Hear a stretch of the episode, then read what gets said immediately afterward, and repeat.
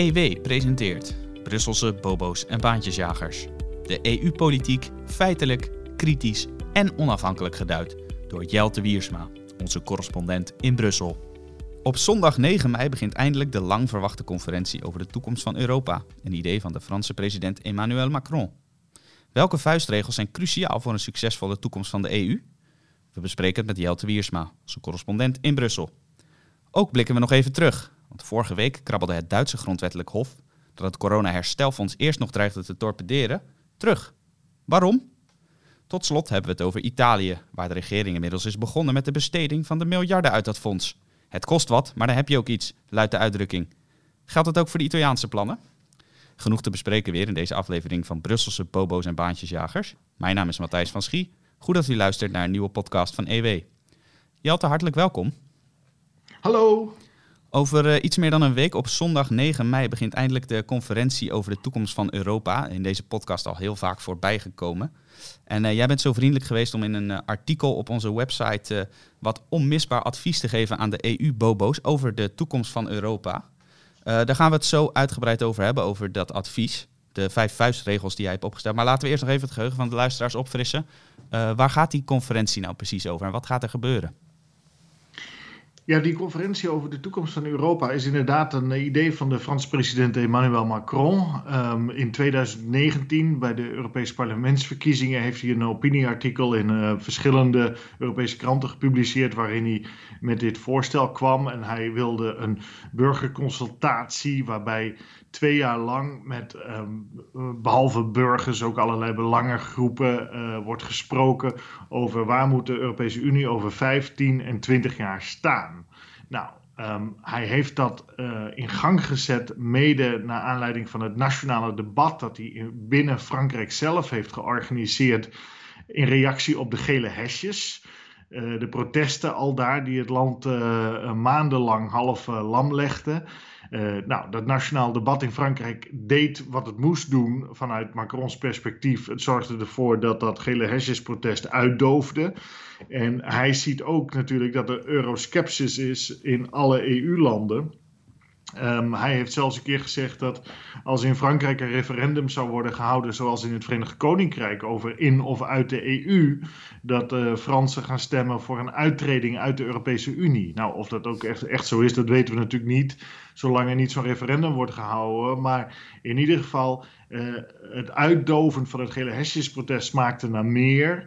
Uh, uh, de sceptisch die er Europa breed leeft over de Europese Unie maakt dat hij heeft bedacht van hey, we moeten een conferentie opzetten en dat leidt misschien ook wel tot het uitdoven van de sceptisch of de vele kritiek op de Europese Unie. En na twee jaar soebatten, dus twee jaar na het voorstel van Macron, door de regeringsleiders en door het Europees Parlement en zo, hoe dat allemaal georganiseerd moet worden, gaan ze dan zondag 9 mei in Straatsburg met de president van de Raad, de commissie en het Europees Parlement dan eindelijk de aftrap geven voor deze conferentie. En die, dat is twee jaar lang praten met burgers, belangengroepen, met de nadruk op praten met de jeugd, omdat het over hun toekomst zou gaan. Ja, dat is nogal een uh, ambitie, de EU-skepsis doen uitdoven, want in heel veel landen tiert die welig. aan de tekentafel kunnen politici natuurlijk allerlei verstrekkende plannen bedenken, maar verwacht jij ook dat Macrons ambitie ook maar enige kans van slagen heeft?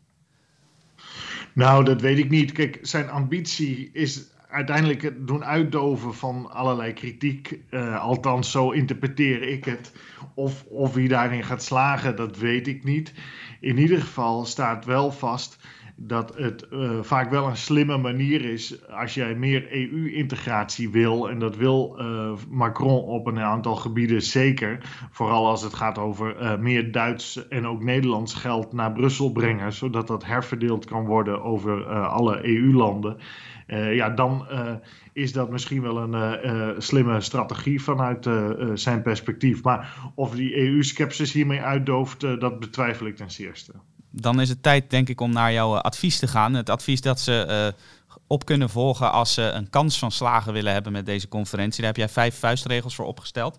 Laten we de eerste er even bij pakken. Neem alleen voldragen besluiten. Wat bedoel je daarmee? Ja, dat is heel belangrijk, vind ik. Um, als je kijkt naar die Europese Unie, dan zie je dat er uh, eigenlijk in die 70-jarige geschiedenis van die Europese integratie, EU-integratie, telkens besluiten worden genomen die halfbakken zijn. Dan moet je bijvoorbeeld denken aan de euro, die is ingesteld met landen die niet aan de regels voldeden, met instrumenten daaromheen die er ook niet voor zorgden dat landen die uh, financieel geen discipline aan de dag legde, zoals wordt, was afgesproken, ook daadwerkelijk uh, gedisciplineerd konden worden. Dan moet je denken aan uh, de Europese Commissie, die te weinig macht heeft gekregen om tegen bijvoorbeeld Italië te zeggen, of Frankrijk, jongens, jullie staatsschuld is te hoog, jullie begrotingstekorten zijn te hoog, jullie hervormen niet voldoende. dat moeten jullie wel gaan doen anders uh, volgen er boetes of andere sancties. Nou, dat, on, dat heeft ontbroken bij de euro, maar dat geldt voor heel veel zaken. Denk bijvoorbeeld ook aan Schengen, uh, de binnengrenzen tussen EU-landen, de meeste EU-landen althans, zijn opgeheven.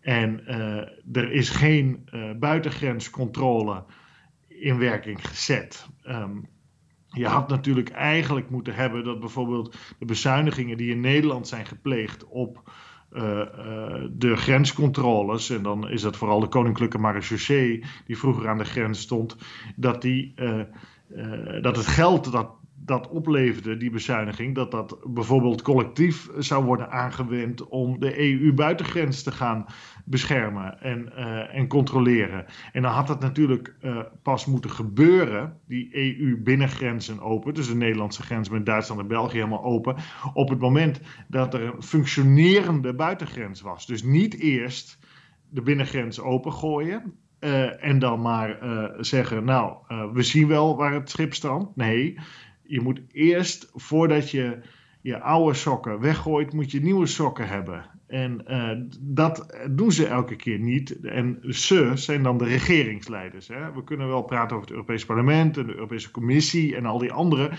het zijn uiteindelijk de 27 EU-regeringsleiders die bij EU-toppen bij elkaar komen en dan besluiten nemen. En dat zijn altijd de besluiten waarbij iedereen denkt van, hey, ik pak wel het zoet, maar niet het zuur. Dus uh, als het over die grenscontroles gaat, hè, we, we, schaffen wel de binnengrenscontroles af. Uh, dat vindt iedereen leuk. Dan kun je lekker vrij reizen door Europa. En dat scheelt uh, de nationale regeringen geld op uh, zoals gezegd, uh, kostenposten zoals de marechaussee.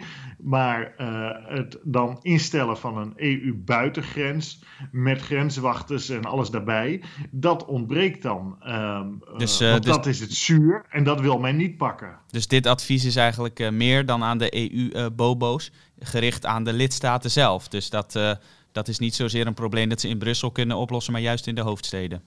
Het gaat altijd om de regeringsleiders, het gaat altijd om de nationale uh, hoofdsteden uh, of regeringszetels. Wij hebben natuurlijk in Den Haag de, regeringszetel. Uh, en niet over Brussel of de commissie of anderszins. Het zijn de regeringsleiders die dit soort beslissingen nemen. En daar moeten ze mee ophouden. Als je een besluit neemt, dan moet je dat voldragen doen. Dan moet je dat van alle kanten hebben bekeken, dan moet je ook alle verantwoordelijkheden, alle plichten, alle kosten die daarbij horen ook uh, erin opnemen. Ja, en dat gebeurt natuurlijk vaak niet. Dat zien we ook met het corona-herstelfonds, dat in 2020 is afgesproken. Er wordt dus afgesproken, dus de Europese Commissie mag 750 miljard euro lenen. En uh, dan is niet duidelijk hoe dat geld terugbetaald moet worden. Ja, dat is toch geen volwassen politiek, zeg. Zo, kan je niet opereren. Als een bedrijf zo zou opereren, dan is het morgen failliet.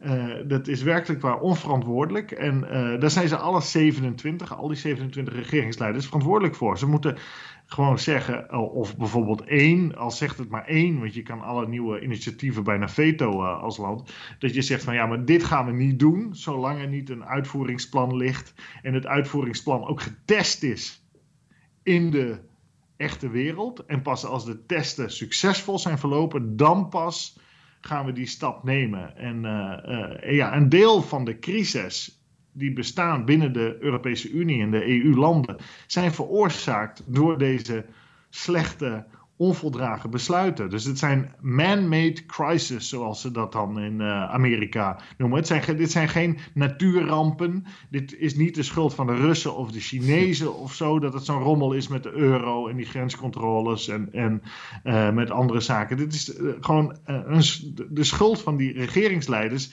en uiteindelijk ook de nationale parlementen die de regeringsleiders hier telkens mee weg laten komen met dit soort onvoldragen beslissingen. Als zo'n regeringsleider terugkomt uit Brussel van een EU-top, moet zo'n nationaal parlement zeggen: Nou, gaan we niet doen. Wij stemmen tegen, want dit is een onverstandig besluit, onvoldragen, niet goed doordacht.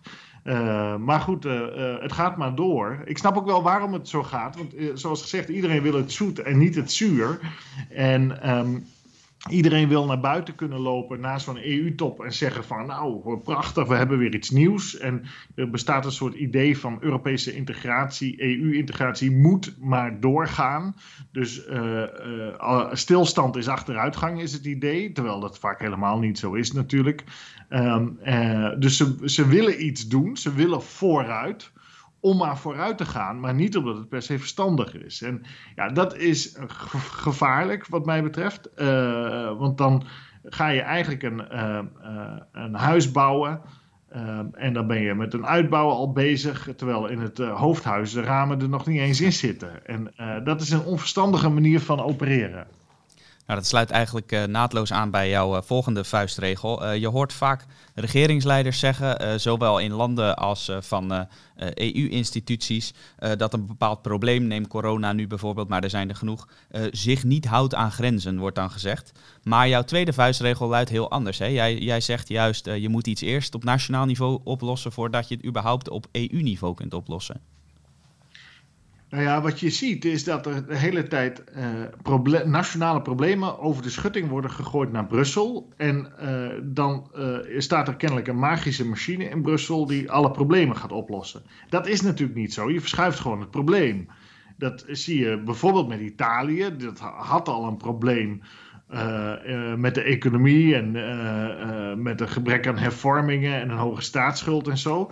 En ja, dan wordt zo'n euro ingevoerd en dan wordt het probleem over de schutting gegooid van Rome naar Brussel of Frankfurt, de Europese Centrale Bank. Maar het probleem komt natuurlijk gewoon weer terug. En daar zitten we nu heden ten dagen weer mee. Met de, de Italiaanse staatsschuld was een Italiaans probleem en nu is het een probleem voor iedereen in de Europese Unie. Maar het probleem is dus niet opgelost. En dat raakt ook niet opgelost door iets maar naar een hoger niveau te brengen. Het, andersom geldt het net zo. Hè? Een probleem naar een lager niveau brengen. Bijvoorbeeld van het Rijk in Nederland, van Den Haag naar de provincies, lost een probleem niet op. Je verschuift het probleem gewoon. Het wordt dan een tijdje even minder zichtbaar. Maar uiteindelijk komt dat probleem wel weer terug op je bordje. En uh, dat zie je dus elke keer gebeuren. Dus um, er is een neiging in een heel aantal landen om te zeggen: oké, wij hebben een nationaal probleem, dat willen wij niet oplossen. De politieke wil uh, ontbreekt daarvoor. En weet je wat we doen? We gooien het uh, naar Brussel over de schutting. Eureka, daar staat de grote oplossingsmachine. En uh, dan is het probleem weg. Maar dat is niet zo.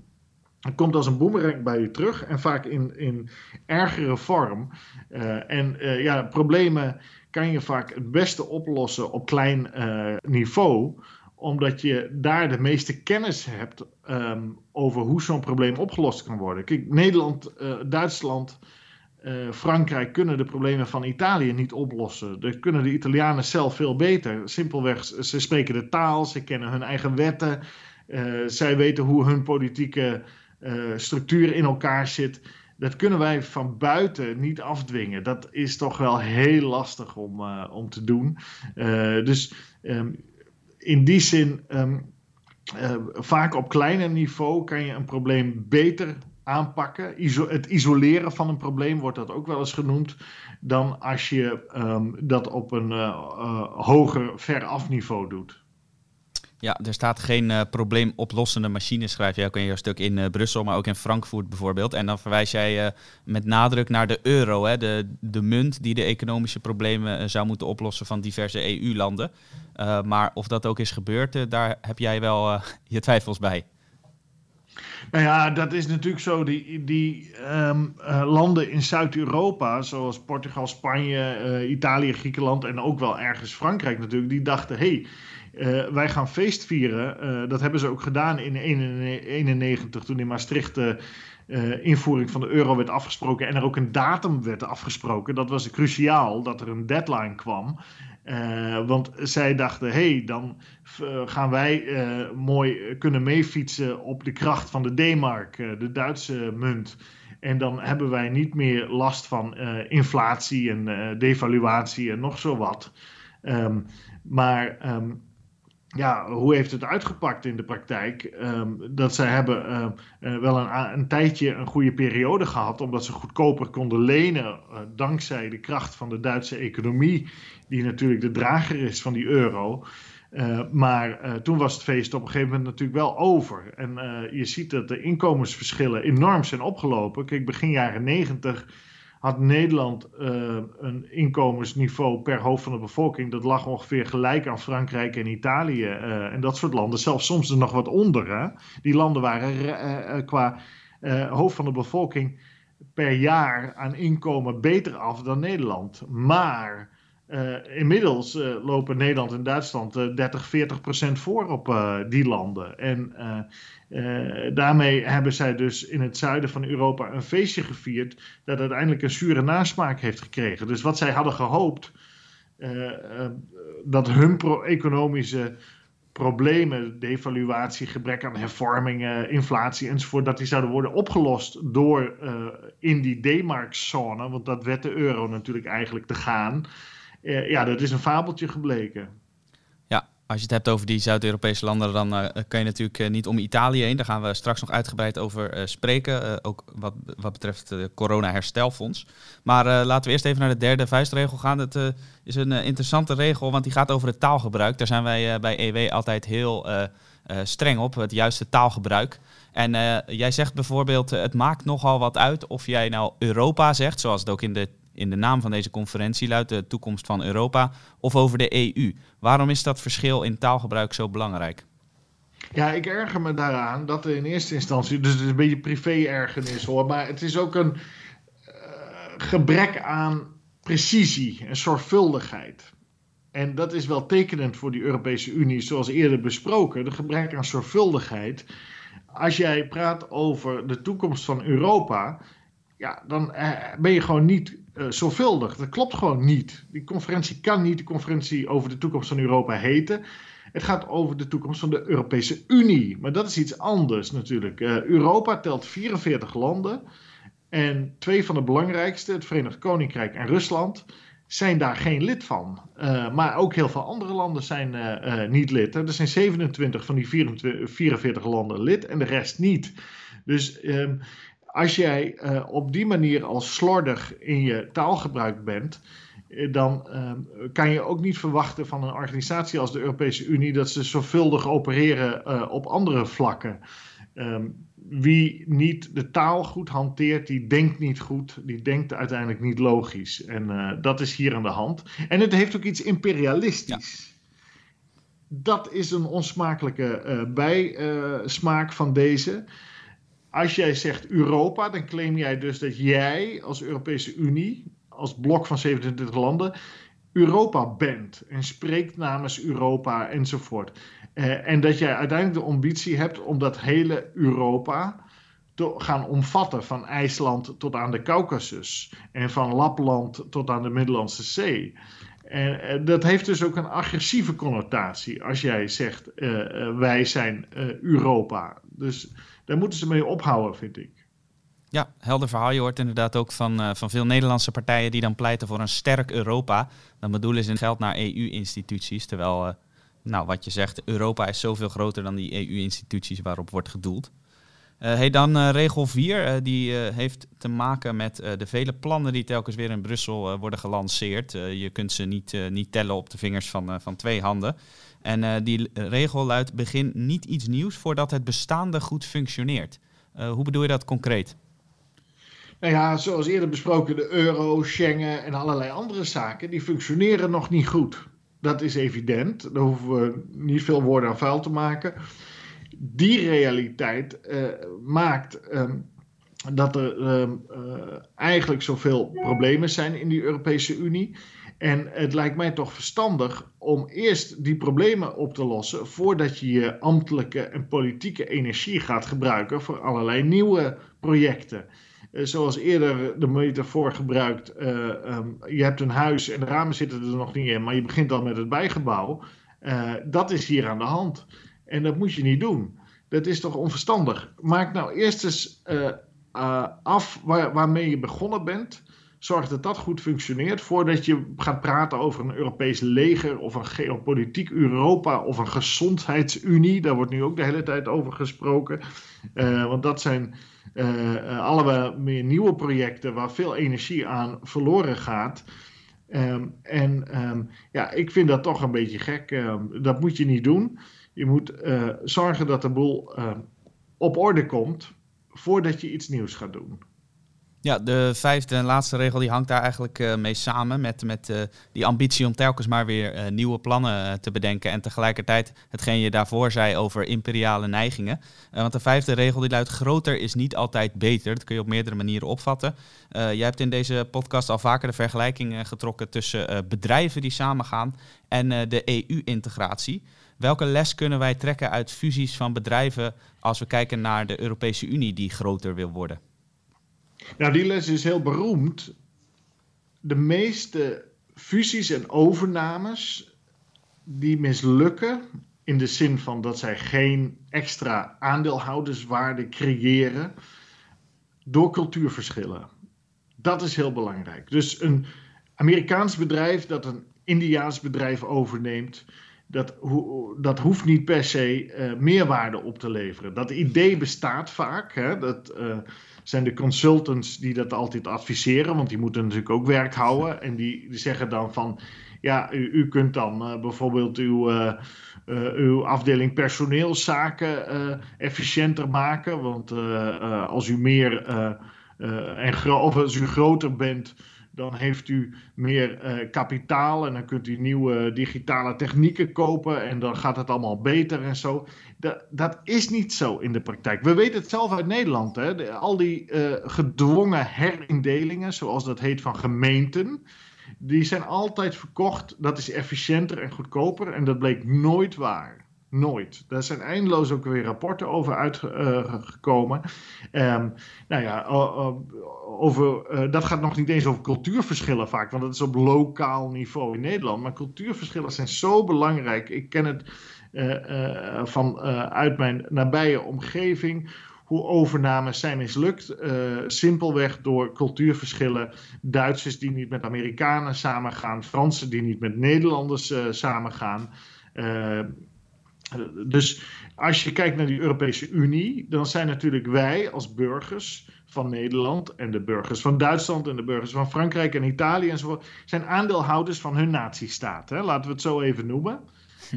En die aandeelhouders van die natiestaat, die, uh, ja, die hebben er een belang bij dat als er iets gefuseerd wordt, bijvoorbeeld een munt, hè, zoals de gulden de euro is geworden, dat dat dan een meerwaarde creëert voor ons als aandeelhouders. Maar ja, heeft dat het nou gedaan?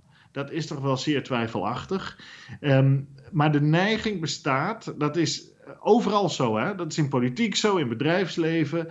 Groter is beter, dat is efficiënter. Maar dat is niet altijd zo. Uh, we kennen natuurlijk hele kleine, hele efficiënte, hele rijke landen. IJsland, Denemarken, paar miljoen mensen. Denemarken 5, 6 miljoen. Uh, dat functioneert toch uh, uh, prima. Zwitserland. we kennen natuurlijk Zwitserland natuurlijk. Zwitserland is helemaal een goed voorbeeld, omdat je daar natuurlijk 26 kantons hebt en duizend gemeenten. Hè. Nederland met 17 miljoen inwoners, twee keer zo groot als Zwitserland, heeft 400 gemeenten en dat daalt naar 300 als het zo doorgaat. Dus Zwitserland heeft duizend gemeenten.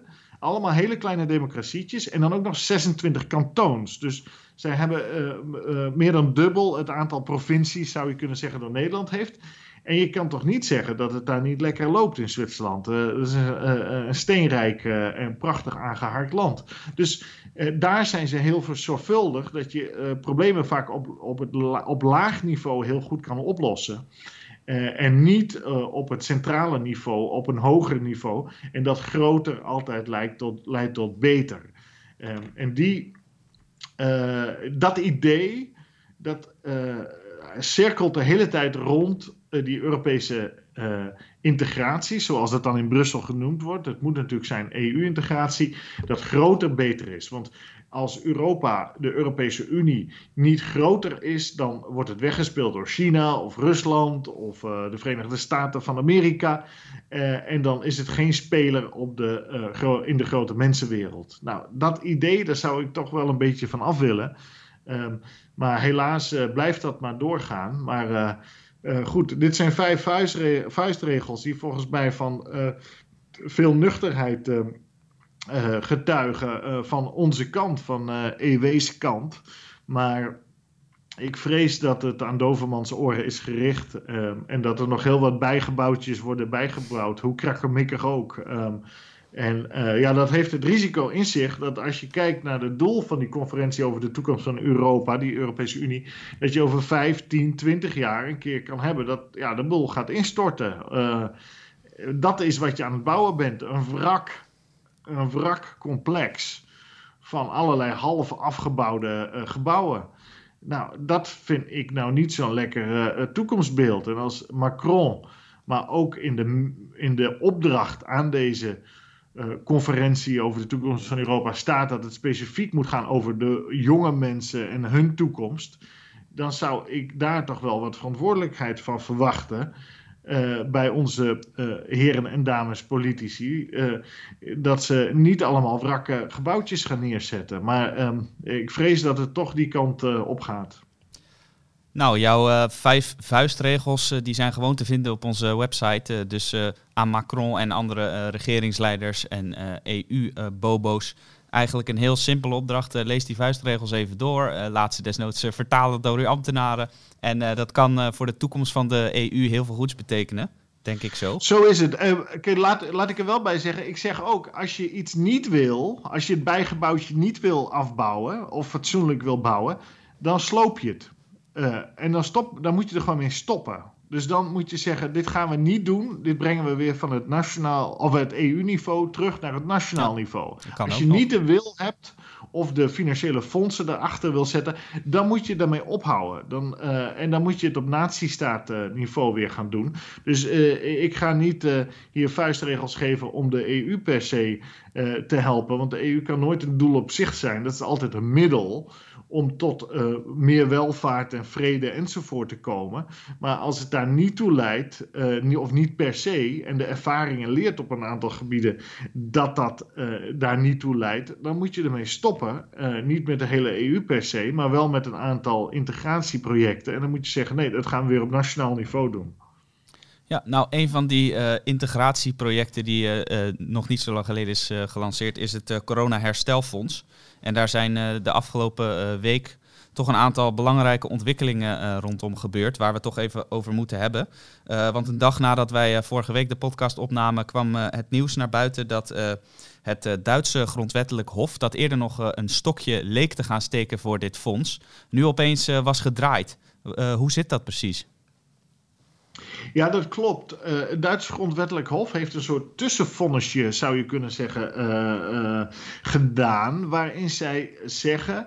Ehm, nou, het belang van het corona-herstelfonds is zo groot en de tijdsdruk is zo hoog dat wij gaan daar niet voor liggen. Dus wij gaan dat niet verbieden kijkend naar de Duitse grondwet.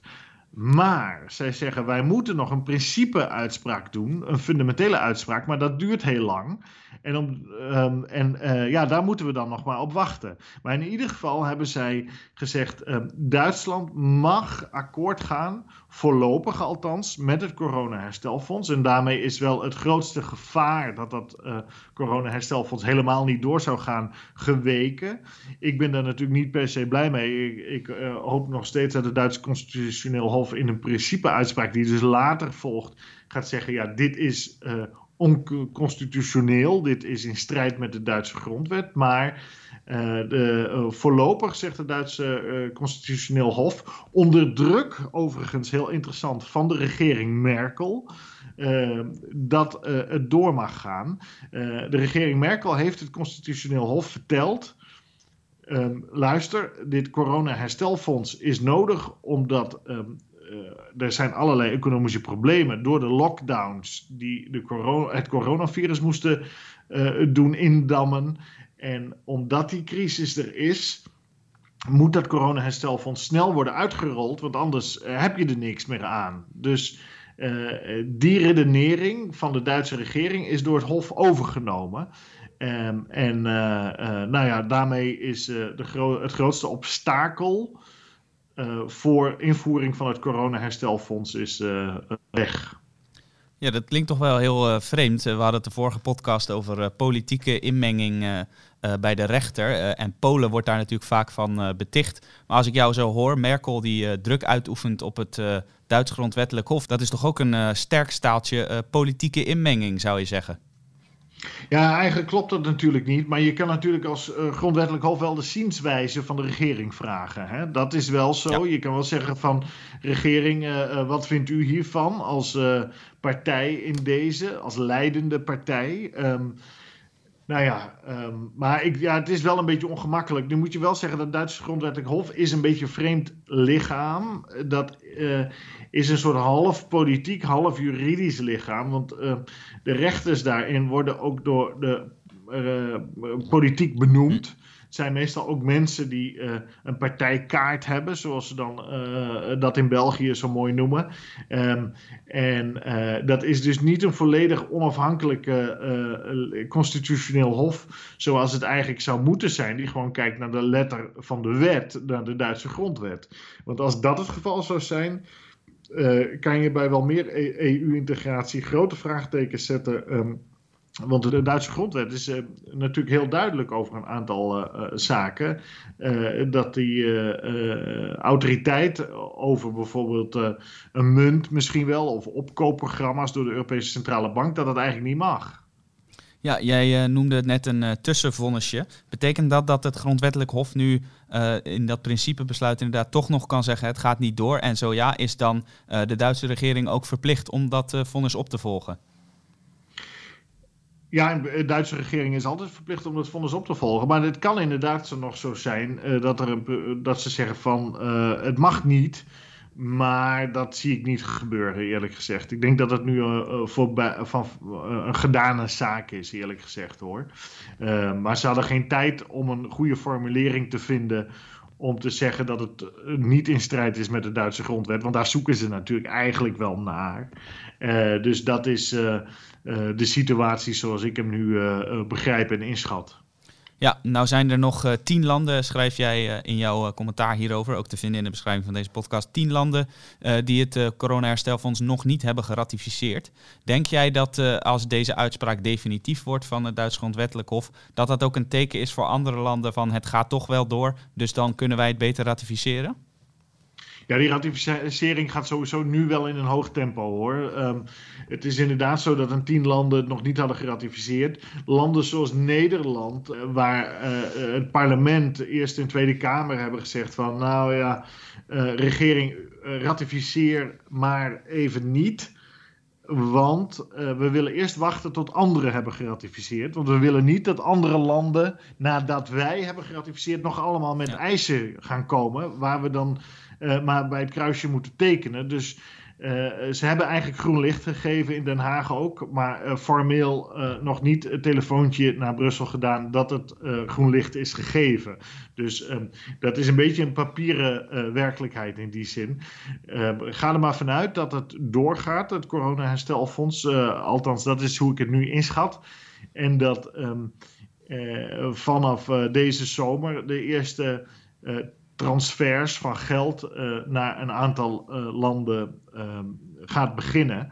Eh, waarbij nog wel interessant is overigens dat ehm, Adriaan Schout, bijzonder hoogleraar aan de Radboud Universiteit in Nijmegen en Europa-expert van Denktank Klingendaal, die schreef nog niet zo lang geleden in NRC Handelsblad: Nederland moet geen euro aannemen uit het corona-herstelfonds, want er komen wel een hele zwik eisen mee met dat geld uit Brussel. Bijvoorbeeld wat, wat betreft Nederland, misschien wel hervorming van de hypotheekrenteaftrek of de arbeidsmarkt of anderszins. Dus je levert een stuk van je nationale democratie in als je geld uitneemt of aanneemt uit dit fonds. Dus doe dat niet, want voor Nederland als netto betaler aan dit fonds uh, zit er zo weinig geld er eigenlijk in het vat. Uh, daar heb je bijna niks aan. Dat is 5, 6 miljard verspreid uiteindelijk over 30 jaar.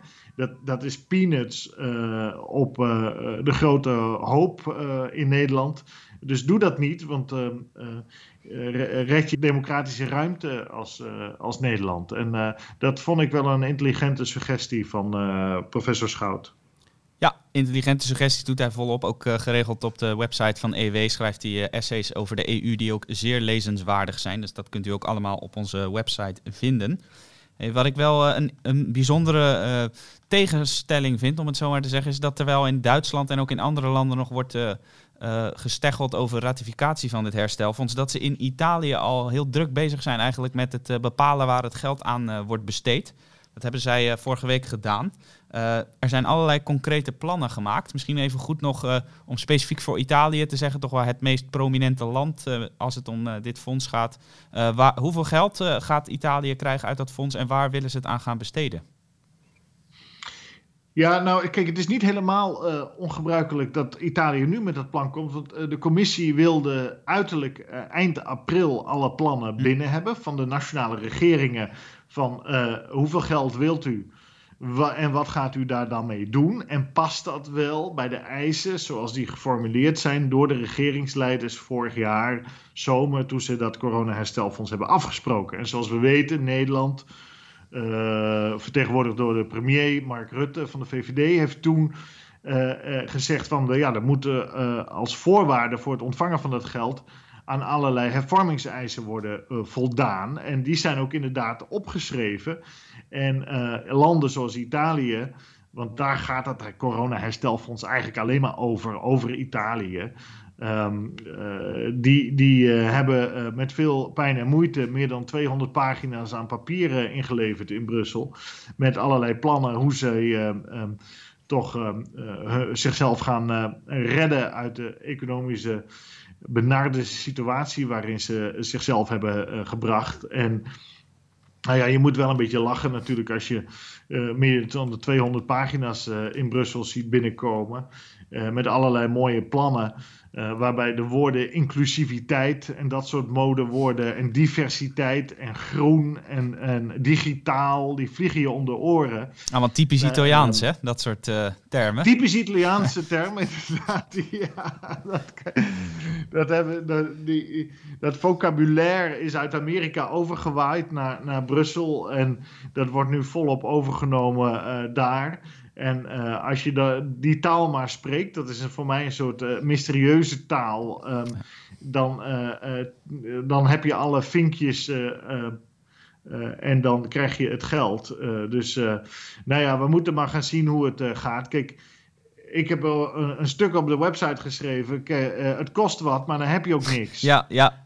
De mooie uitdrukking die natuurlijk normaal anders luidt, die heb jij eens even flink op zijn kop gezet. Nou ja, kijk, Mario Draghi is daar aangetreden als premier in februari, uh, omdat er crisis was in de Italiaanse regering over dat corona-herstelfonds. Ze hadden ruzie over wie, wie de meeste poen in zijn zakken kon stoppen. Nou, toen hebben ze uh, uiteindelijk de technocraat, partijloze Draghi aangesteld.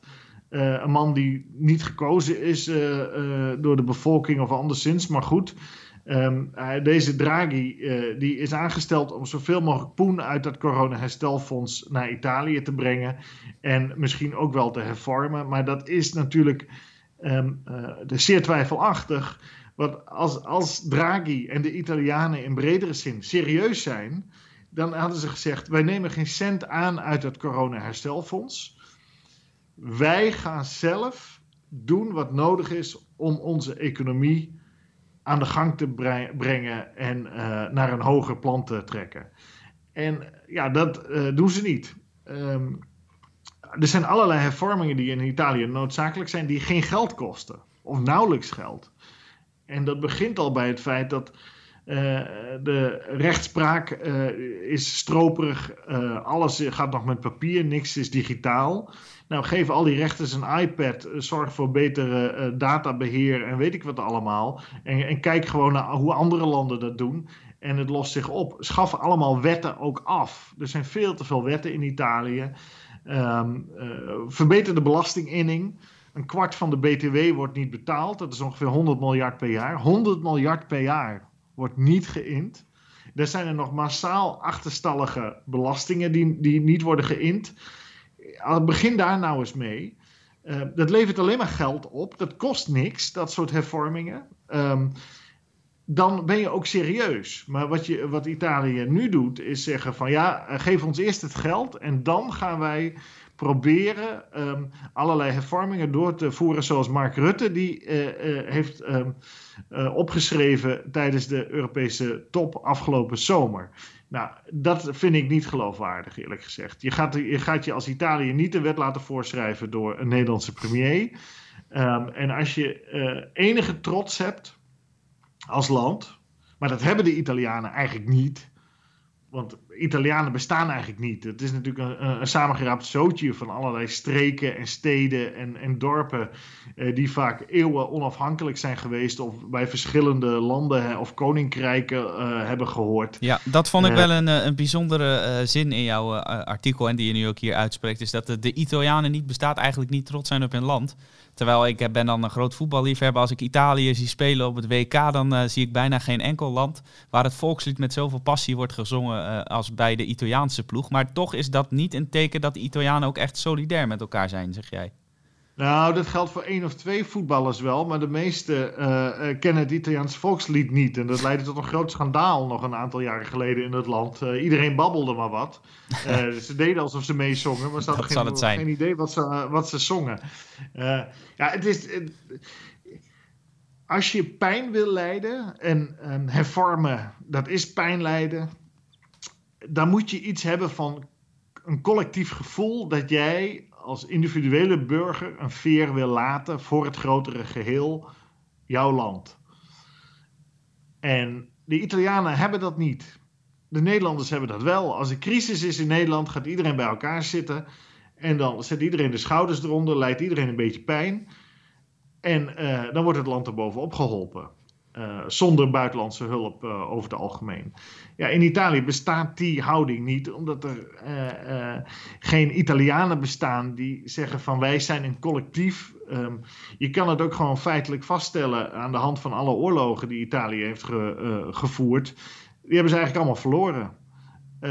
terwijl bijvoorbeeld de Britten, die dat wel hebben, zeker de Engelse nationaal gevoel, ja, die winnen al die oorlogen elke keer. Dat is een. Um, een, een groot verschil uh, tussen het ene land of het andere land waar zo'n nationaal gevoel uh, uh, bestaat. En ik snap het ook wel, als jij je niet Italiaan echt voelt um, en denkt van ja, ik kan wel gaan leiden voor Italië, maar um, als ik een veer laat financieel of anderszins, dan gaat een ander die poen in zijn zak stoppen, want dat is de werkelijkheid in dat land. Ja, dan ga je dat niet doen. dat snap ik wel. Uh, in België werkt het een beetje hetzelfde overigens. Hè? Dat is natuurlijk ook een land dat eigenlijk niet. De Belg bestaat niet. Um, uh, je hebt Vlamingen en, en Franstaligen. Nou ja, uh, en zonder um, zo'n nationaal gevoel. krijg je die hervormingen heel slecht op de regel. En ja, ik denk niet dat het veel gaat uitmaken. Dit, dit, de corona-herstelfonds is een pleister.